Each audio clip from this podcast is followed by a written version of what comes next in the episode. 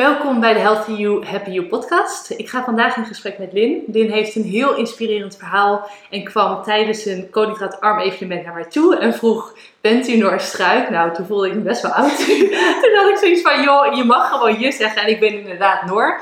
Want je bent een, um, een fanatiek luisteraar van mijn podcast. En toen vertelde je over je eigen verhaal. En dacht ik, joh, jij moet gewoon op de podcast komen. Want ik wil ja, dat anderen dit ook horen. Zeker omdat ik in de podcast natuurlijk ook wil belichten waar koolhydraatarme ketel allemaal goed voor kan zijn. En jij hebt weer een heel specifiek verhaal. Um, wil je je kort even voorstellen? Ja, natuurlijk. Um, mijn naam is Lin, ja. 31 jaar, woonzaam. Woonzaam? Wo woonachtig, ja. In Haarlem. Uh, ik doe keto sinds oktober 2021. Dus ja. ongeveer negen maanden.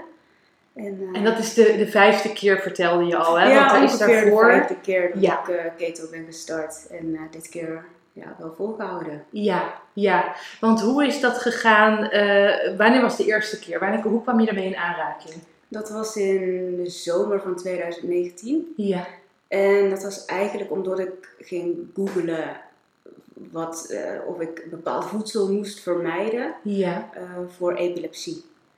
En uh, nou, een van de eerste resultaten was ketogeen dieet. Ja. En, en, zocht je in het Nederlands of zocht je in het Engels? Goh, wat, dat weet ik okay. niet meer. Dat weet ik niet meer. Volgens mij in het, in het Nederlands. Ja, oké. Maar ja. toen popte dat dus al wel op. Ja. ja. Ja. En toen kwam ik volgens mij, als ik me goed herinner, op de website van de van Epilepsiefonds. Ja. Stichting Epilepsie. Ja. En toen ben je dat gaan lezen. Ja, wat stond er? Waardoor dacht je, hé, hey, hier moet ik wat mee? Um, nou, omdat ik natuurlijk zelf uh, bekend ben met epilepsie. Ja. Sinds ja. mijn uh, tienerjaren. Ja. En ik heb altijd best wel last gehad met uh, het afstellen van juiste medicatie, -hmm. juiste doseringen.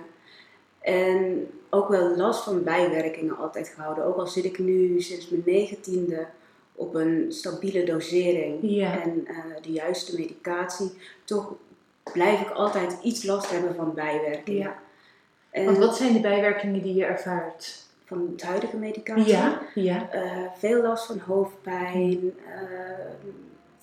soms moeite met spraak, concentratie en darmklachten. Ja. Dus ik ging kijken of ik bepaalde voeding moest vermijden. Ja. En toen kwam ik dus op keto.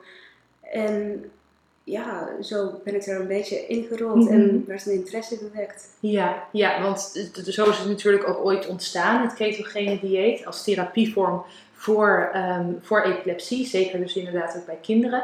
Dat is ook een van de weinige aanbevelingen die er inderdaad zijn over het ketogene dieet. De diabetes wordt er natuurlijk ook, of diabetes type 2 en 1 wordt er ook steeds meer bijgenomen. Dus dat is ook eigenlijk hoe het begonnen is. Hoe ben je dat gaan doen? Ben je heel radicaal alles gaan omgooien? Heb je dat stap voor stap gedaan? Nou, ik heb die avond denk ik tot uh, vier uur s'nachts zitten lezen Ja. en speuren op internet. Ik kwam op een Nederlandse Facebook uh, groep, daar heb ik me bij uh, aangesloten. Uh, op, op YouTube allemaal filmpjes gekeken van de, ja, al die kanalen, keto-kanalen op YouTube. Ja, en dat was wel allemaal Engels neem ik aan, Ja, hè? want dat was, was, eh, gewoon zeker niet heel veel in het Ja, Nederlands. dat was zeker in het Engels. Uh, voedingslijsten gedownload, Ja. wat wel en wat niet te eten. En uh, al vrij snel ben ik daar een beetje mee gaan uh, proberen. Ja, ja, Ja. want hoe zag jouw voedingspatroon er daarvoor uit?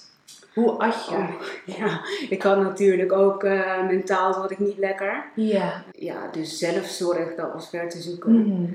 En dus mijn, eh, ja, heel, heel, heel eh, beschamend, maar mijn voedingspatroon, eh, mijn, mijn dieet was eigenlijk eh, twee diepvriespizza's als Ja. avondmaaltijd. Ja. Eh, daarna Ben Jerry. En als ik s'avonds nog honger had, eh, een XXL Milka Oreo. Ja. En eh, als ik dan s'avonds misschien rond middernacht nog trek kreeg, wat kipnuggets. En als lunch had ik dan bijvoorbeeld twee pistoletjes met kip curry salade of zo. Ja, dus je, je, je, zat ont, je zat aan de andere kant van, het, eh, nou ja, van de bandbreedte, zeg maar. Mm. Ehm, hoe was dat zo ontstaan? Omdat je ook al zegt van oké, ik zat mentaal ook niet lekker in mijn vel. Mm. Was dat ook de reden dat die zelfzorg zo ver te zoeken was? Ja, zeker. Zeker. Ik, eh, ik heb de, kreeg op een gegeven moment rond mijn 24ste, 25ste te maken met PTSS. Ja. En eh, ja, dan, dan doe je eigenlijk alles om te overleven. Mhm. In plaats van echt eh, ja, Te leven, te gezond te leven. zijn. Inderdaad, dat is niet jouw eerste prioriteit. Nee. Nee, dus zo is toen ook dat voedingspatroon ontstaan. Mhm. Dus ik kan me wel voorstellen als je dat eet, je downloadt die lijsten, je ziet wat keto is. Nou ja, dat is een, een ommekeer van 180 graden. Mhm. Hoe ging dat?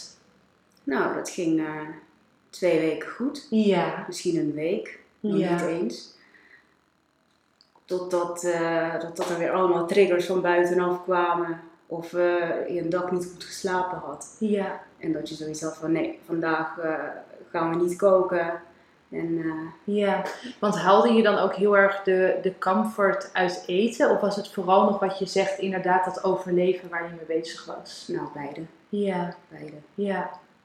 En denk je, want daar, daar ben ik altijd benieuwd naar, dat is altijd wat ik, ehm, nou ja, wat ik bij de cliënt leg, van joh, doen we in één keer een grote ommekeer of toch stap voor stap? Denk je nu achteraf gezien dat als je dat rustiger had gedaan, dat het makkelijker voor je was geweest? Nee. Nee? Nee, Nee. nee. Ik, eh, ja, ik ben wel vanuit mezelf iemand. Ik moet een schema hebben, ik moet het strak hebben, Ja. anders. Als ik nog hier en daar wat dingen kan doen, Ja. dan. eh, nee, dat werkt voor mij niet. Nee, dus voor jou is het wel een beetje alles of niets. Ja. Het is natuurlijk ook, denk ik, wel belangrijk om erbij te zeggen dat het voor jou echt ketogeen therapeutische vorm is. Dus jij zit ook echt wel een stuk hoger in je vetten, wat laag in je eiwitten, natuurlijk heel laag in je koolhydraten. Ehm, ben je ook dan meteen gaan tracken? Ja. Ja. Ja, nou in, in 2019 niet zo erg. Ja, Hè? En de, tussen, de keren die ik het tussendoor heb gedaan, ook niet echt. Maar eh, hè, sinds dat ik het nu sinds oktober 2021 doe, ben ik wel echt eh, elke dag op, op de app. Ja. Hoe vind je dat? Hoe ervaar je dat? Ja, het is, eh, het is normaal geworden. Ja, het is Het is onderdeel van je routine. Ja, en het geeft me ook heel veel houvast. ja. Ja. Want heb je het idee, kijk, omdat je dat natuurlijk al een tijd doet, weet je het inmiddels ook wel een beetje? Of merk je van, joh, ik heb dat toch wel nodig, zeker ook omdat je dus die therapeutische vorm doet? ja, ik heb het wel nodig. Soms denk ik van, oh, ik zit wel goed. En dan, denk ik, en dan zie ik opeens op mijn app, oh nee, ik heb nog meer vet nodig. Ja, Ja, Ja. en ik heb het, ga vooral heel snel de mist in met vlees. ja, Dan denk ik van, oh, dit is toch vet vlees? En dan denk ik, en dan zie ik opeens op mijn app, nee, ik moet nog hoger in vet. ja, ja. Want hoe hoog, voor even voor de luisteraar, zit jij ongeveer in je vetten? Ehm, ik zit tussen de 80, 85 procent in vet. Ja. En hoe ziet dat er op een dag uit? Laten we het eens even tastbaar en praktisch maken. Ja, dan moet ik oppassen dat ik niet iets verkeerds ga zeggen. Nee is oké. Bijvoorbeeld gisteren. Had je gisteren een goede dag? Zat je Eh, je... nee, gisteren zat ik iets lager in mijn vet, omdat ik eh, gisteren veel krachttraining heb gedaan. Dus dan ga ik iets hoger Dus in daar mijn hou je wel rekening mee. Dan Ja. ga je wat hoger in je eiwitten Ja. zitten. Ja. Ja. Oké, maar laten we dan even gisteren als voorbeeld nemen. Hoe ontbijt jij? Ja, ik ontbijt niet. Ik Oké. ook vast, hè. Ja. En tot hoe laat doe je dat? Mm, rond een uur of één, half twee middags. Ja, oké. En je hebt dan dus ook geen trek. Je voelt je goed. Dat Ja. gaat prima. Ja. Ja. Oké, en dan je eerste maaltijd. Ja, mijn lunch is meestal drie eieren, mayonaise, eh, bacon en dan aangevuld met, eh met groentes, eh, ijsbergsla, dat, Mhm. soort, dat soort dingen. Ja, dus echt een hoop vet. Ja. Smaakt het je ook? Vind je dat een lekker? vet? Nou ja, ehm, kijk, voor mij valt het mee. Maar ik denk als nu iemand met epilepsie luistert en die zit meer richting wat jij eerst at, dan denk ik wel dat iemand denkt: oh god, Ja. bacon en mayonaise Ja. en eieren. Kijk, ik vind het prima. Ik denk dat het helemaal goed is. Zeker omdat, jij, dat, omdat het voor jou zo belangrijk is om heel hoog in die vetten te zitten. Ja. Want wat je natuurlijk wil met epilepsie is de aanmaak van ketonen. Nou ja, die krijg je door in je vetverbranding te zitten. Mm. Ja, en jij, jij wil voldoende ketonen krijgen om als ehm, brandstof voor je hersenen te dienen. Ja. Dus ik vind het niet gek dat jij heel hoog in je vet zit. Ja, dus dat heb ik gegeten Ja. hè, als salade. En daarbij had ik nog een soep gemaakt van broccoli, bouillon met eh, kaas Ja. en eh, slagroom. En dat in de blender. En Ja. dan kwam het, eh, eruit als eh broccolisoep. Ja. Ja. Oké, dus je zorgt er wel voor dat de eerste maaltijd ook echt gewoon groot en substantieel is. Ja. Toch? Ja. Want heb je dan twee maaltijden op een dag? Ja. Oké, en doe je iets tussendoor? Nee. Nee. Nee. Slim. Goed Nee. zo. Juist omdat je natuurlijk die, eh, die vetverbranding optimaal wil houden. En je tweede maaltijd. Ja, ik, ik, ik uh, ben echt voorstander om de maaltijden heel simpel te houden. Kijk, Ja. dat, dat eh, gisteren was dan iets uitgebreider. Ja, Maar eh, qua avondeten, eh, om niet heel veel af te wijken van een typische AGV'tje. ja. Dus ik... En dat is eh, grappig, ik zeg dus altijd AVG'tje. oh, ja. maar dat, dat wisselt. Misschien is het per windstreek Ja. verschillend of zo. Ja, AGV'tje, ja. ja, Aardappelen, groente, vlees. Even voor de... Precies. Maar goed, niet de aardappels waarschijnlijk. Nee, dus ik heb meestal gewoon vlees, varkensvlees. Ja. Hè, eh, dat heb ik ook jaren niet gegeten. Maar eh, varkensvlees, dus eh, heel veel speklapjes. Mhm. En ja, dan wat groenten erbij, bijvoorbeeld spitskool, gekookte spitskool met een klontje boter erdoor, met zeezout eroverheen. Mhm. Ja, en speklapjes gebakken in ghee. Dat Ja. soort eh, Top. Want jij let dus ook met je vlees extra op dat je de meest, eh, de meest vette soort kiest. dus varkensvlees in ja, dit geval. Zeker. Ja. Zeker als ik, eh, als ik kijk, ik hou ook heel erg van kipdij. Dat heb ik in het, ver- toen ik echt pas begon, heb ik dat ook heel veel Ja. gegeten. Maar voor mij is dat ja, weer toch te hoog in eiwitten en te laag in vet. Ja, ja. En dat maakt het dus ook zo per persoon verschillend. Dat geef ik ook vaak aan. Weet je, er is niet binnen koolhydraatarm of ketogeen een one size fits all. Het is heel belangrijk om te kijken van oké, wat zijn mijn doelen? En voor jou is dat natuurlijk die ketonproductie, je ehm seizures voorkomen. Ja, dan, ga je, dan zit je dus inderdaad gewoon echt hoog in vet. En hou je ook weer extra rekening met oké, wat voor vleessoort kies ik dan? Ja. Want merk je, dus nou ja, in het begin zat je nog wat meer, ehm, dus ook wat hoger in je eiwitten. Merk je nu ook verschil qua hoe je je voelt? Kijk, afhankelijk van eh, mijn macro's, Ja. hè, dus of ik eh 70% of 80% of 90% in vet zit, voel ik niet heel veel verschil Nee. lichamelijk.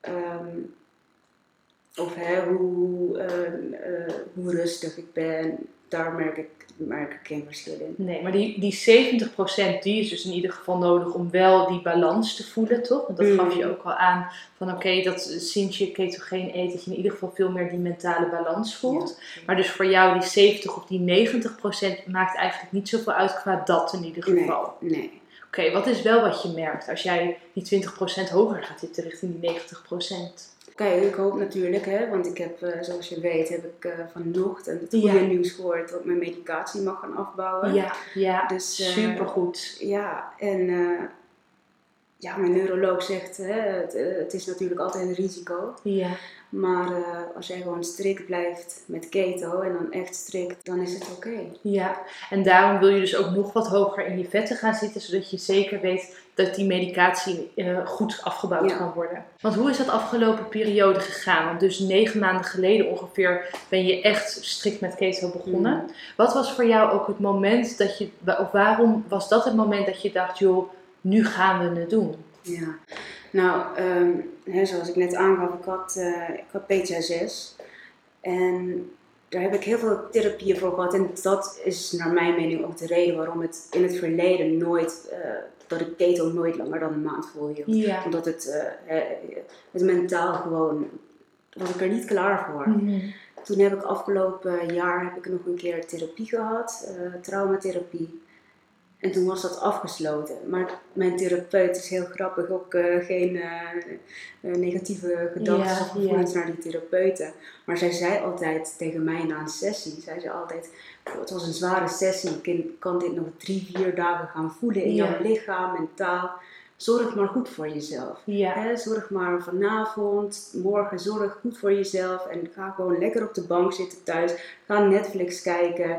Als je in de supermarkt bent, koop een reep chocolade voor Ja. jezelf. Nou, voordat, voordat zij die zin had uitgesproken, stond ik al met mijn hoofd voor het schap van die supermarkt. En uit te zoeken wat je zou gaan Precies.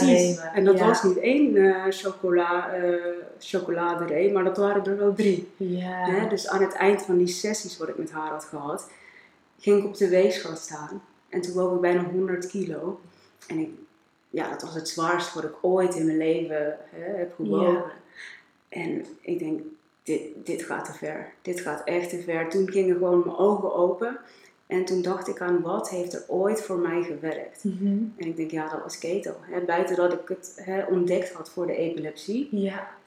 was dat mensen het gingen gebruiken om af te vallen. Hè? En die vier weken dat ik het wel vol had gehouden, was ik ook 5 kilo afgevallen. Ja, dus dat ging ook heel snel meteen. Precies. En ergens ook niet gek, want je, je schetste net al hoe je voedingspatroon er daarvoor uitzag. Dus ja, als jij keto gaat eten, Mm. dan gaat het natuurlijk ongelooflijk hard. Want Ja. die ommekeer is gewoon heel groot. Ja, Ehm, dus nou ja, dat was dus ook voor jou een extra beweging. Dat je dacht van oké, dat gewicht, daar, daar moet wat mee. Mm. Ook dat je dus mentaal de ruimte voelde van ik ben hier aan toe.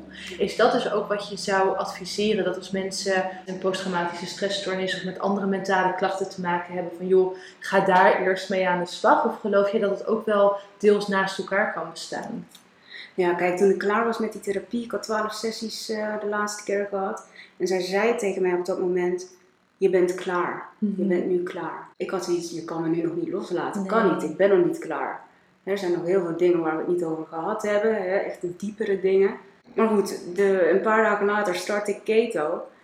En na drie, vier weken, alles viel op zijn plek. Ik werd Mhm. mentaal rustig. En, en ik denk, ja, eh, ik, ik kreeg een andere focus ook. Hè? Dat speelt misschien ook wel mee. Dat je gewoon een heel andere, hè? alles draaide op een gegeven moment om mijn gezondheid. Ja, Ik kreeg energie, durfde weer naar buiten. ja.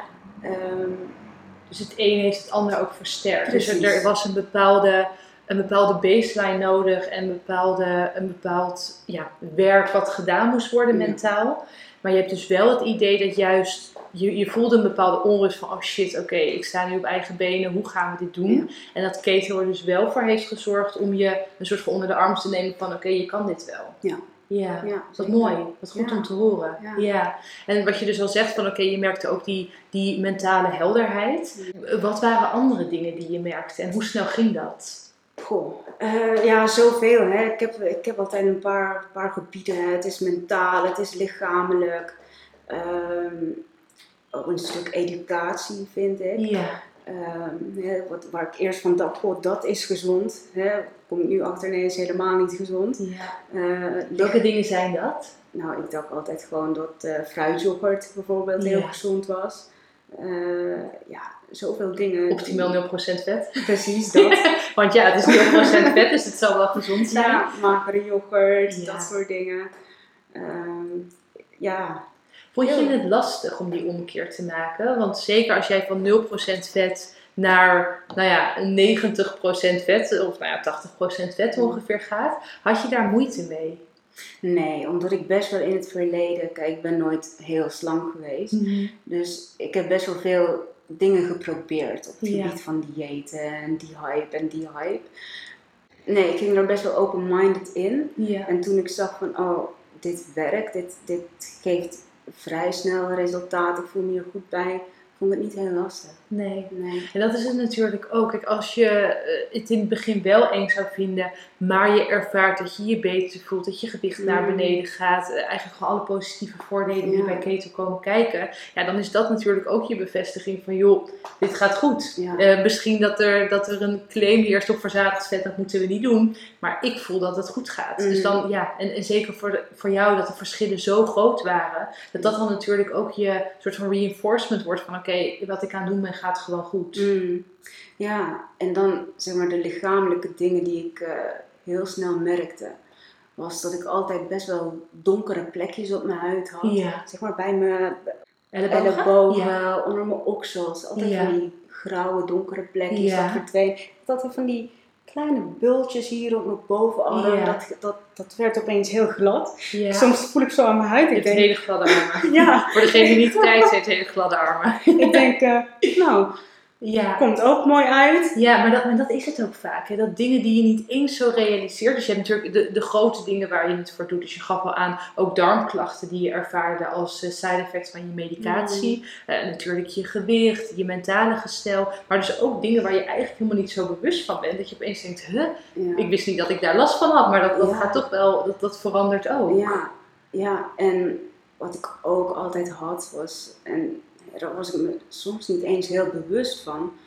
ehm, was zeg maar als ik s'avonds in bed lag en ik denk van, oh ik heb nog dorst, ik loop even naar de keuken voor een glaasje water. Hè. Mijn appartement is helemaal niet zo gek groot. Ja. Dat is misschien vijf meter naar de keuken. Ja. Dan ehm, ging ik een glaasje water halen s'nachts en dan kwam ik terug in bed, ging ik liggen en ik denk mijn hart klopt. Ik voel me gewoon bu- bijna buiten adem. Ik denk, En dat, nou ja, kijk, het heeft natuurlijk te maken ook met gewichtsverlies. Ja, Hè? Dus Want was dat dan ook toen je op je zwaarste punt was, dat je dat zo ervaarde? ja, ja, Ja. ja. kijk, ik ben natuurlijk niet heel groot. eh, mensen kunnen het niet zien, maar ik ben maar 1,59. Ja. Ehm, Maar en je bent ongelooflijk afgevallen, toch? Hoeveel ben je afgevallen? nou, op een kilo na 30. Oh jeetje. 30 kilo. Wauw. Ja. Ja. En vooral dat je nu ook weet van oké, dit is blijvend. Ja. Toch? Want dat is het natuurlijk wat je heel vaak ziet. Kijk, als mensen eh 30 kilo afvallen met een crash dieet en zo wordt keto nog steeds heel onterecht genoemd. Mm. Ehm, ja, dan ga je het allemaal weer aankomen. Ja. Merk je dat, je dat het nu een beetje uitkristalliseert, je gewicht? Of val je nog steeds wel, wel redelijk af? Nee, ik blijf, ehm, ik blijf wel een beetje. eh, het gaat nog steeds naar beneden, Ja. hè? maar het is niet zo van, oh, het is nog een kilo per week. Hè? Het is misschien 100 gram, 200 gram. En dat is oké. Ja. Dat vind ik helemaal prima. Ik ben ook de andere dingen gaan implementeren. Zoals ik ben eh, vrij recent, sinds drie, vier weken, eh, heftig gaan krachttrainen. Ja. ja. Dus dat, dat heeft er natuurlijk ook mee te maken.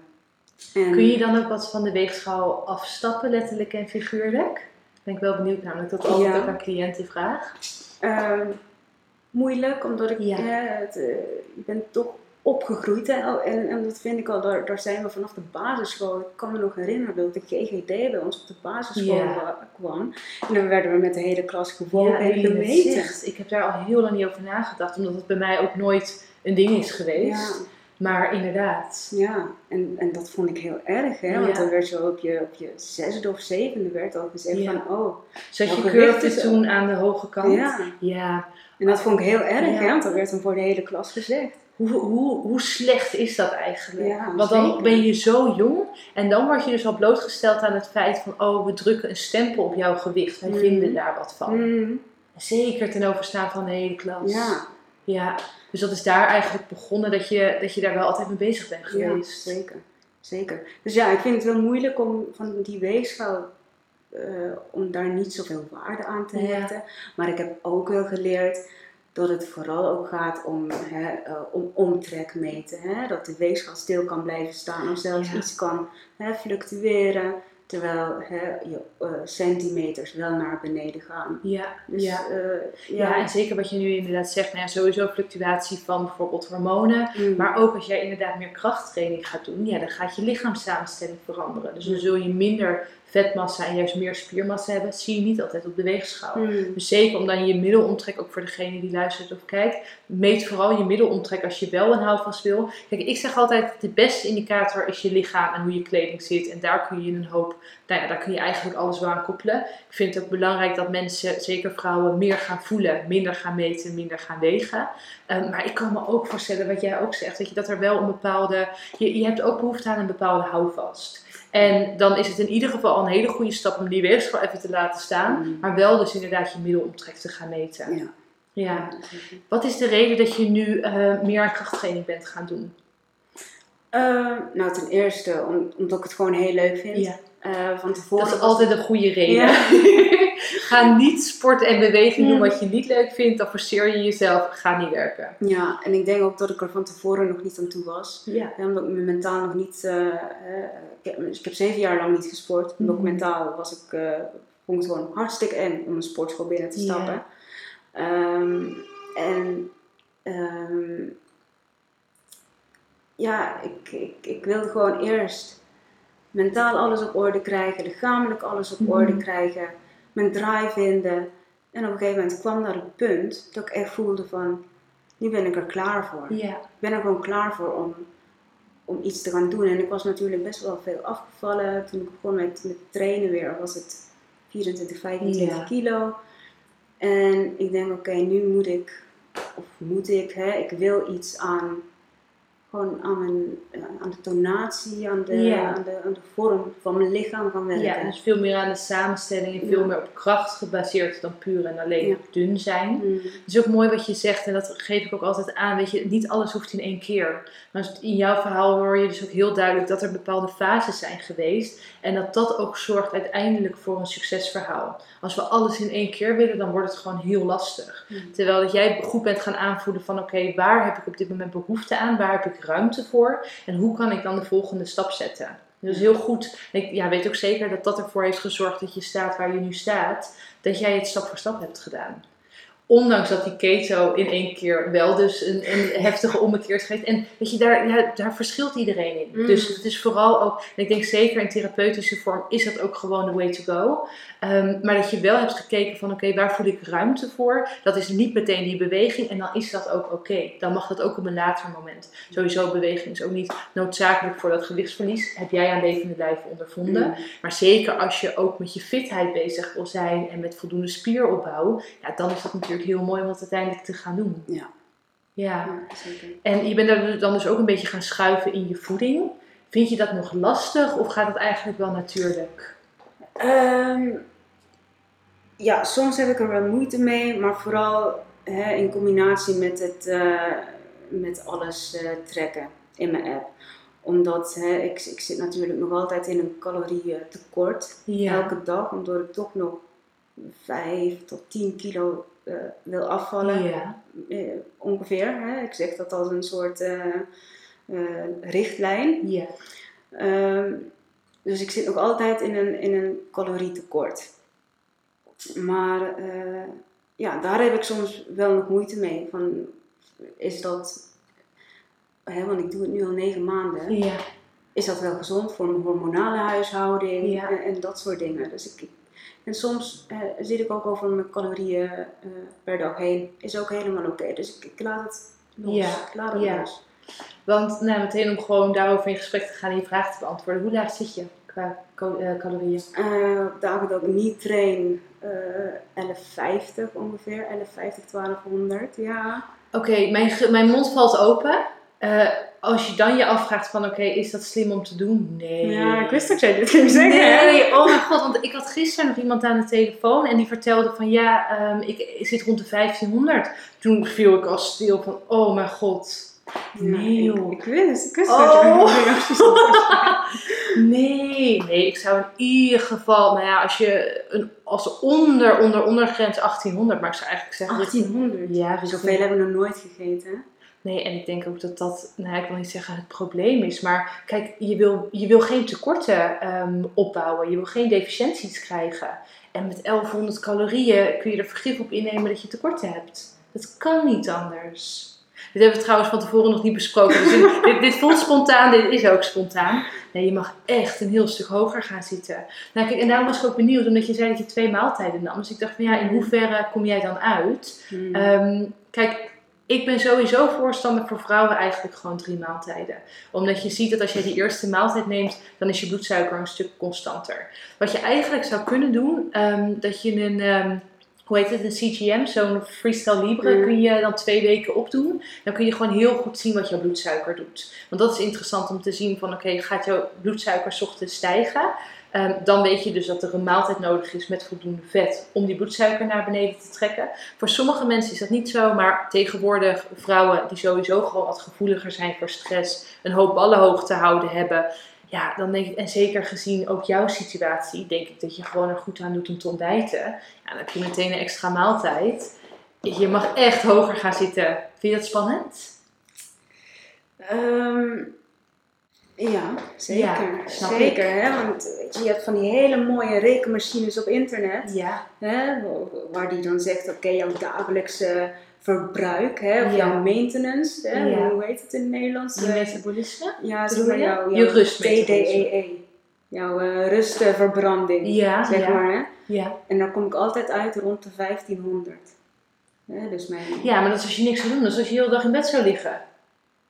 Kijk, ik, ik snap van 1100 naar, 12, naar 2000 is een grote stap. Maar ga in ieder geval richting 15, 16 en uiteindelijk 1800 Weet je wat, ik ga twee weken doen en dan Ja, eh, ja, ik goed. terug, eh Ja, terug in terug. Ja, is prima. En eh, vooral dan dus de eerste maaltijd gaan eten. Want ik verwacht, drie maaltijden per dag. ik verwacht dat jouw bloedsuiker daardoor stabieler zit. Dat je ketonproductie hoger is. Wat je natuurlijk ook wil voor je epilepsie. Mm. Daar gaan we straks nog even verder op in. Ja, dus die drie maaltijden per dag. En dan kom je al snel aan 1600 calorieën.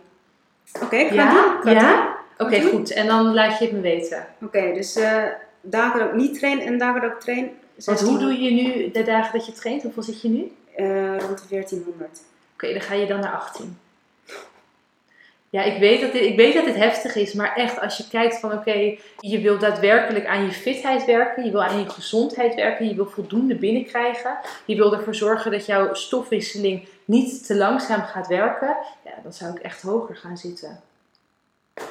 Oké. Ja, we gaan kijken wat er We- gebeurt. gaan het Goed? doen, we gaan het doen, Ja, het ja, oké. Ehm, waar ik nog wel even op wil inzoomen is het epilepsiestuk. Want je voelde dus al die, al die positieve effecten. Je voelde een hoop dingen veranderen. Wat was voor jou dat je dacht van joh, volgens mij misschien mijn medicatie kan Hmm. daar wat mee? Ja, ik had natuurlijk onderzoek gedaan naar eh, eh, voed- voeding voor epilepsie. Dat was al in 2019.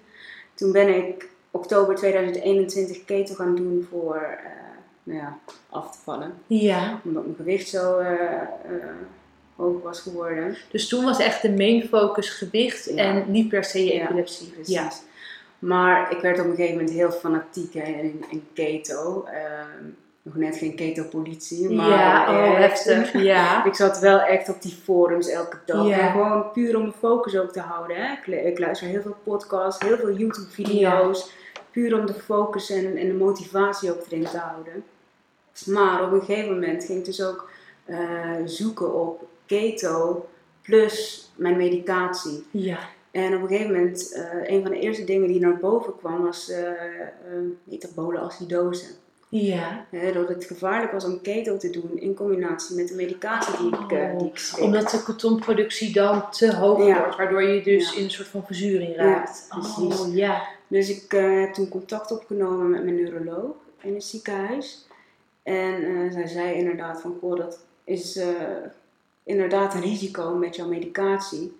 En toen stelde ze eigenlijk voor om, ehm, als ik eh, door wilde gaan met ketogeen dieet, Ja. om een EEG-scan te doen en te kijken hoe de epilepsie eruit zag.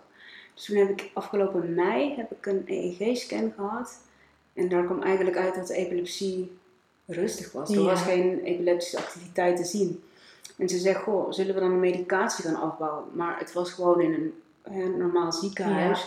En dan, Wel trouwens heel fijn dat je daar een neuroloog trof, of dat jouw neuroloog in dit geval supportive was. Mm, Want ik kan me wel voorstellen, want nu ben je natuurlijk bij een andere neuroloog geweest die iets sceptischer was, maar jij zat al een stuk verder in je traject, dus stond Mm. ook al een stuk steviger, of staat een stuk steviger in je schoenen. Dat als het omgekeerd was geweest, je misschien wel nou ja, wat, wat minder makkelijk had gedacht, oh dit gaan we doen, toch? Als Ja. jouw, jouw arts heel veel vragen of heel veel vraagtekens heeft en denkt, joh, volgens mij doe je vervelende dingen. mm, ja. Dus dat is wel heel mooi om te zien dat daar ook wel gewoon ehm, meer ruimte voor ontstaat Ja. en meer support in komt. Zeker. Dus hij zegt, eh, er is geen epileptische activiteit eh, te zien op, op, eh, op de scan. Eh, ze zegt, we kunnen de medicatie gaan afbouwen of hè, in ieder geval proberen. Maar omdat het in een regulier ziekenhuis was, en ketogene dieet worden meestal in universitaire ziekenhuizen gedaan of in gespecialiseerde eh, epilepsiecentra. Ik zeg van, en ik merkte als ik haar soms een vraag stelde, dat ze niet direct antwoord kon geven of dat ze het eerst moest opzoeken.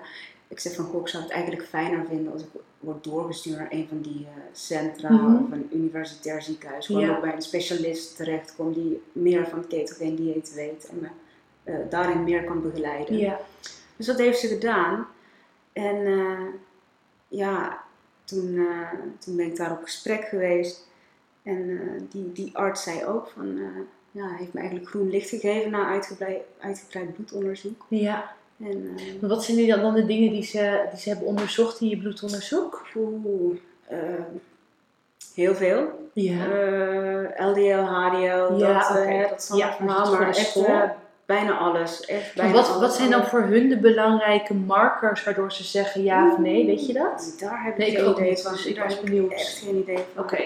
Maar dus in ieder geval wel je cholesterol, zodat ze ook willen weten van oké, Ja, kan dat... eh, ontstekingswaarden Ja. en ook eh, de, de medicatiewaarden in Ja. het bloed in de ochtend. Eh, Ze hebben echt heel veel, ze hebben Ja. eh, heel veel onderzocht, maar ik, ik zou je niet durven zeggen wat nee, wat dan groen licht heeft gegeven. Nee. Nou ja, in ieder geval alle markers die zij testen, die, worden, die eh, verbeteren natuurlijk alleen maar Mm. met ketogene voeding. Behalve LDL, apart verhaal. Kijk even naar die andere podcast over het cholesterol. Oké, dus bloedwaardes groen licht. Mm. En dat is dus wat je vanochtend te horen hebt gekregen. Ja, dus je gaat vanaf vanavond, want je bent hier nu nog met de auto, Ja. ga je je medicatie afbouwen. Mm. Hoe gaat dat er dan uitzien? Dat is eh, 25 milligram per week. Ja, Eh, naar beneden hè? Naar beneden. Want hoeveel slik je nu? 150 milligram. Ja, En misschien even eh, eh, goed om te benoemen, ik slik topiramaat. Ja. Topamax. Oké. Ja, dus dat eh, is 25 milligram per week. En dan eh, over zes weken zit ik als het goed is, als alles goed gaat, op nul. Ja. En hoe wordt dat proces gemonitord? Geef je, trek jij zelf aan de bel? Heb je Nee. check-ins? Ja, ik heb eh, check-ins, gewoon telefonisch. En eh, mocht het misgaan, waar we natuurlijk niet van Nee. uitgaan, dan, eh, ja, We kloppen het af, ja. dan, dan moet ik bellen. En dan, Ja, want, waar, want als we dat, dat daar even op ingaan dat het misgaat, betekent dat dan dus dat je een, een aanval krijgt? Ja, oké. En hoe lang geleden is het dat je die hebt gehad? Of, eh, ja, ik zei ook vanochtend nog tegen, tegen de neuroloog, ik zeg het is zo lang geleden, ik kan het niet eens meer herinneren. Nee, maar oké. het zal, als ik een schatting moet maken, zou dat eh, vijf, zes jaar misschien. Ja, ja, ja, dat is echt een tijd geleden. Dus nu ga je afbouwen. Je hebt ook wel nog als tip meegekregen van, joh, ga nog wat extra kijken naar je vetinname. Ga dat eh, nog wat verhogen. Je kwam net al binnen en toen zei je van, oké, nou ja, ik vraag me dan wel een beetje af met uitzonderingen. Omdat je, nou, ja, soms heb je ook gewoon een, een feestje of een borreltje of een dingetje. Dus, nou ja, dat, dat deed je nu wel. Maar nu had je natuurlijk en enerzijds keto over het grootste deel. Met dus eventueel af en toe een uitzondering en je medicatie. Straks niet meer die medicatie. Dus dat is wel iets wat je spannend vindt. Ja, zeker. Ja. En toen zei ik ook van ja, weet je, ehm, ik zou in dat geval dus die exogene ketonen gaan inzetten. Daar krijg ik vaak vragen over van oké, wel of geen exogene ketonen. Hangt van je doelen af. Kijk, als jij wil afvallen, exogene ketonen zijn gewoon de ketonen die je lichaam normaal zelf maakt. Dus ehm, als jij in die vetverbranding komt, produceert je lichaam ketonen, wat een vorm van energie is. Voor epilepsie of voor migraine eh, extra goed, omdat het door je hersenen wordt gebruikt als een goede energiebron. Dus dat je hersenen voldoende energie krijgen. Wat het verhaal is, als jij wil afvallen, dan wil je natuurlijk overgaan op je vetreserves. Dan wil je ook daadwerkelijk ehm, je lichaamsvet gebruiken. Dus in dat geval zou ik niet per se zeggen exogene ketonen. Ehm, want het is gewoon een extra vorm van energie. Dus het zorgt ervoor dat je eerst die exogene ketonen verbruikt en dan pas overgaat op je lichaamsvet. Maar als het natuurlijk jouw hoofddoel is om ervoor te zorgen dat jij voldoende ketonproductie hebt, voldoende ketonen in je lichaam voor je hersenen als brandstof, dan zou het wel juist goed kunnen zijn om die exogene ketonen in te zetten, maar dan echt als therapievorm. Dus in jouw geval zou ik denken van, joh, als jij ehm, wel een uitzondering maakt, wat hoger in je koolhydraten zit, dus uit je natuurlijke lichaams ketonproductie raakt, ja, ga dan vooral exogene ketonen inzetten. Ik denk dat het heel slim is om te doen. Omdat je je er natuurlijk voor wilt zorgen dat die ketonen op peil blijven. Ehm, ja, met een uitzondering raak je uit ketose. En dat is nu in dit geval, wil je dat natuurlijk zoveel mogelijk voorkomen. Dus ik denk dat dat een hele interessante is om, eh, om in te zetten. Ik weet dat Pruvit een, eh, een goede is om te gebruiken. Ik zal hem ook even linken. Ik weet niet zeker of die in Nederland verkrijgbaar is, maar dat kun je even checken. Of dat zal ik even checken. Ehm, en het kan dus ook bijvoorbeeld worden ingezet bij migraine of bij andere aandoeningen dat je keto daadwerkelijk therapeutisch wil gebruiken. Dus daar zit een groot verschil in. Gebruik je keto als eh, middel om af te vallen of voor fitheid of voor ehm, nou ja, het verbeteren van je algemene gezondheid, dan zou ik het niet per se aanraden. Maar in jouw geval, zeker omdat er nu ook extra de nadruk komt op die ketonproductie en op die vetverbranding, zou ik het zeker doen. Dat maakt je denk ik gewoon net wat flexibeler. Ja. Ja, en je calorieën omhoog. We gaan kijken wat daarmee gebeurt. Ja. Ik, eh, ik ben heel benieuwd, want ik denk ook, kijk, juist ehm, omdat je dus hoger in die vetverbranding wilt zitten, verwacht ik ook dat wanneer jij meer gaat eten, in ieder geval meer vetten gaat eten in verhouding, dat je die ketonproductie nog extra aanstuurt. En dat is natuurlijk wat je wil. Want ja, je wil geen spiermassa afbreken. En ik verwacht met 1100 calorieën dat je dat wel aan het doen bent. Ja, dus zeker ook voor je sportprestaties komt dat alleen maar te goede. Ja. Dat je ook daar gewoon meer verschil van gaat merken. Ja. Heb jij vragen aan mij? Want dat had je nog aan in het begin van, joh, er zijn ook nog wat dingen waar ik tegenaan loop. Nou, ja, ik, ehm, ja waar, waar ik dus eh, best wel mee, ehm, ik wil niet zeggen eh, moeite mee heb gehad, maar wel af en toe nog, hè. En, en daar kon ik heel weinig over vinden. En Ja. ik kon, over alle onderwerpen kon ik iets vinden, behalve over dit. En dat was toen ik, hè, je, je kan best wel snel eh, gewicht verliezen Ja. met keto. Maar wat ik een van de allermoeilijkste dingen vond, was op een gegeven moment het spiegelbeeld. In de Ja. spiegel. En ik, ik weet niet of het helemaal jouw, va- jouw vakgebied is, en misschien zit dat ook wel meer psychologisch. Ja. Maar dat je zo'n moeite hebt om te wennen aan jouw lichaam. Want je hebt natuurlijk jarenlang, heb je, of jarenlang voor een hele tijd, heb jij eh, een, een wat forser persoon gezien in de spiegel. Daar ben je aan gewend geraakt om dat te zien. Je bent dat gaan accepteren misschien in zekere mate. Je, je hebt al die kleding in de kast liggen. Maar op een gegeven moment is, is, ver- verandert jouw lichaam. Mhm. En ik had dus heel erg, als ik dan in de spiegel keek, dan zag ik nog altijd dat meisje van bijna 100 kilo. Ja. En als ik naar, naar de winkel ging, ja, als ik een nieuwe kleding moest gaan kopen, dan pakte ik nog altijd maat XL. Heb Ja. ik nu nog, hè? Terwijl ik nu maat M heb, Ja. of maat 38, en nog steeds pak ik maat 46. Ja, omdat het zo in je systeem Ja. zit. Ja. Ja. En dat is wel het enige waar ik nog moeite mee heb. Kijk, het eten gaat me goed af. En, Ja. weet je, ik vind het hartstikke lekker. Maar dat eh, body image, zeg Ja. maar. Ja. Dat, alleen als ik voor- en na foto's zie, zeg maar. Of eh, voortgangsfoto's. Mhm. dat, is, eh, dat doe ik ook, hè. Ja. Eén keer in de vier maanden. om, Ah, even, goed. om even te zien Ja. van, oh ja. Ja, een stuk betere indicatie ook weer dan die weegschaal. Precies. Je wilt echt liever foto's maken Ja. en dus meten. Kijk, ik denk dat het ook een proces is. Wat je inderdaad zegt, je bent zo gewend geraakt aan dat gewicht en aan die, eh, aan die lichaamsvorm en hoe je er op dat moment uitzag. Um, en het is natuurlijk ook heel snel gegaan. Dus als jij in uh, nou ja, een klein half jaar of eigenlijk in negen maanden 30 kilo afvalt, ja, ik kan me voorstellen dat je nog uh, de verkeerde maat kleding pakt en nog jezelf anders ziet. Dus ik verwacht vooral dat daar tijd overheen gaat voordat je dat daadwerkelijk accepteert en ook dat idee aanpast. Want het is natuurlijk een bepaald idee dat jij over jezelf hebt. Jij hebt een bepaald beeld van hoe jij bent en opeens ben je 30 kilo lichter.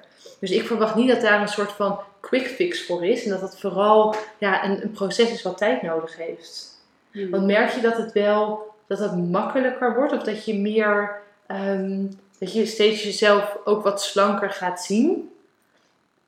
Soms. Sommige ja, dagen ja. gaat het goed, hè? Ja. En sommige dagen denk ik, denk, oh nee, die, er moet echt nog een wijder truitje om die buiken nog steeds te verbergen. En soms denk ik, oh, ik kan wel een, uh, hoe heet dat? Zo'n precies aan, weet je? Ja, Dus het, verschilt per dag, hè? Ja, en kijk, maar dan is het dus ook niet alleen de aanpassing van het beeld dat je over jezelf hebt, maar dan is het ook een bepaalde acceptatie.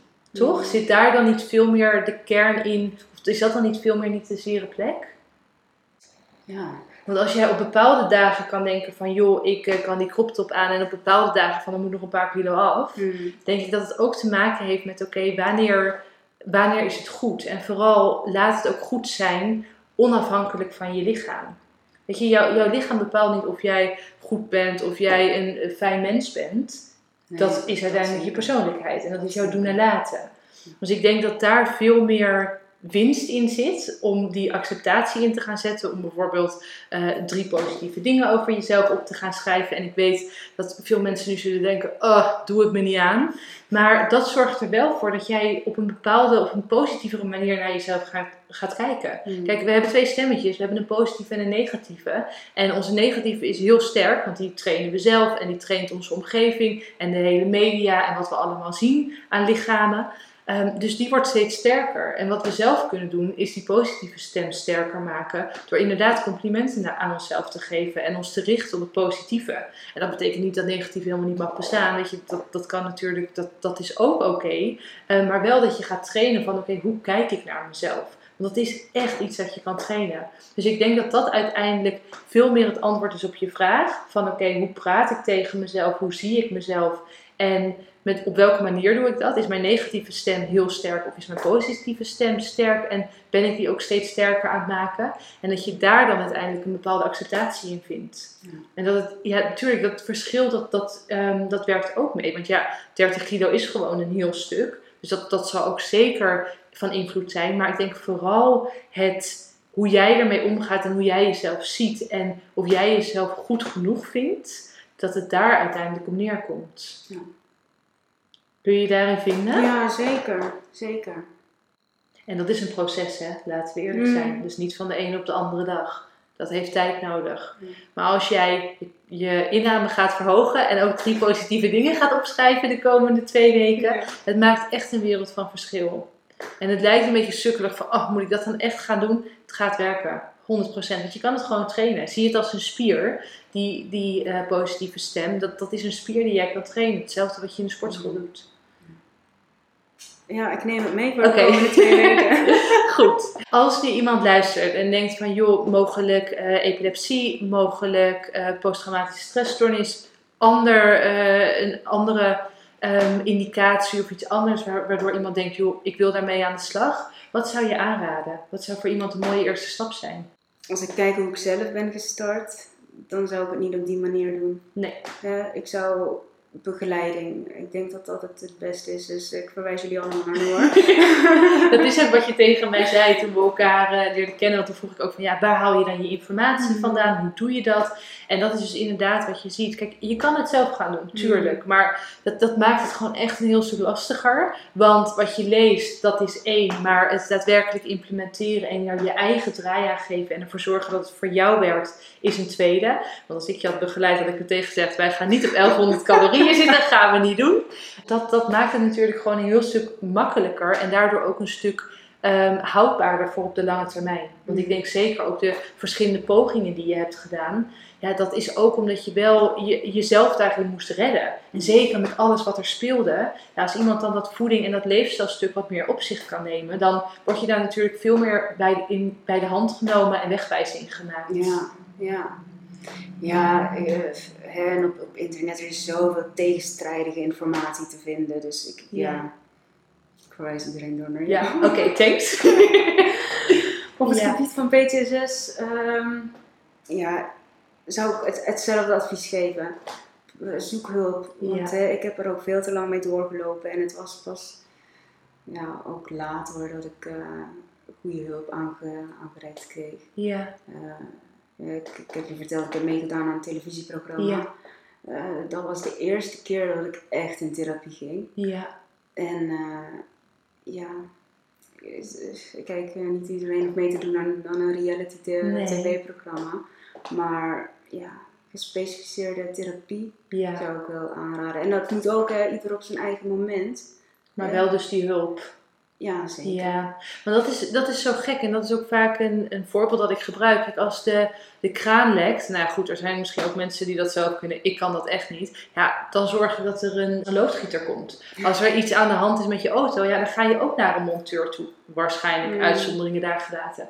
Maar het is zo typisch dat als het eh, mentale of psychologische klachten of bijvoorbeeld voeding en leefstijl is, dat we dan maar allemaal denken, ja, maar dat moet ik zelf kunnen. Dat doe ik Mm. gewoon op karakter en dat komt dan wel goed. Terwijl dat je dan ziet dat het ja, echt van kwaad tot erger kan worden. Dat je er steeds dieper in belandt. Terwijl het iemand, ja, weet je, daar, daar hebben mensen voor geleerd. Dus laat je vooral ook helpen, laat je ook dragen. Heb niet het idee van, oh, ik moet alles alleen doen. Want er is gewoon hulp. Mm, ja, maar heb ik dus ook heel lang gedacht. Van, Ja, kan het allemaal wel zelf. Hè? En dat is ook een beetje hoe, hoe, hoe we vaak zijn opgevoed. ja. Van, onze eh, samenleving schouders eronder, doorgaan en eh, doe het maar alleen, vechten ervoor. Maar het is pas, eh, ja, en ik was altijd onrustig, altijd zoeken, altijd, eh, ja, van hoe moet het dan? Ja, Ehm, en ook een beetje bang om weer hulp te vragen, weer naar de huisarts te bellen. Juist daarom, hè, Ja. om- hè, omdat ik die mentaliteit had. Maar pas echt toen ik eh, ja, door die modder ben gegaan, zeg maar. Toen is pas echt ruimte gekomen om echt naar mezelf te gaan luisteren. Die rust, hè, ook door, eh, ik geloof er echt heilig in dat het ook heel groot door, eh, deel door keto is gekomen. Die mentale rust te vinden en voor het eerst in mijn leven echt naar mezelf eerst te luisteren. Nou, dat is Ja. belangrijk. ja. En dat maakt dan natuurlijk ook de stappen die jij gezet hebt, heeft ook de ruimte gecreëerd om je eigen stem weer te kunnen horen. Ja. Toch? Want als jij zo in je, in je angst en in je, in je stoornis zit en mentaal helemaal van de leg bent, ja, dan, dan is het ook heel lastig om nog te luisteren van oké, wat is angst en wat is daadwerkelijk mijn stem en een soort van mijn, mijn inner knowing. Ehm, en wat dan dus ook met keto zo is, eh, heeft doorgezet, dat er ook ruimte is gekomen van oké, ik kan weer naar mijn eigen stem luisteren en ik kan weer ervaren wat goed voor me is en van daaruit stappen zetten. Ja, zeker. Ja. Zeker, en daar geeft keto ook zeker. eh, ik wil het niet tot een eh, religie verheffen. Maar- Laten we dat doen. maar, ik, ik ben lid, sowieso. maar het geeft ook een hele grote houvast en een soort van leidraad voor mij in ieder geval. Ja. Ja, zeker nu het nog belangrijker wordt sinds eh, vanochtend. Ja. Het, ja. Ja, mooi. Heel inspirerend. Jij gaat me op de hoogte houden de komende Ja, twee weken. Ik ben heel benieuwd. Zeker. Ehm, ik wil je heel erg bedanken voor je openheid en je mega inspirerende verhaal. Dankjewel. Dankjewel. Tot de volgende keer. Doeg!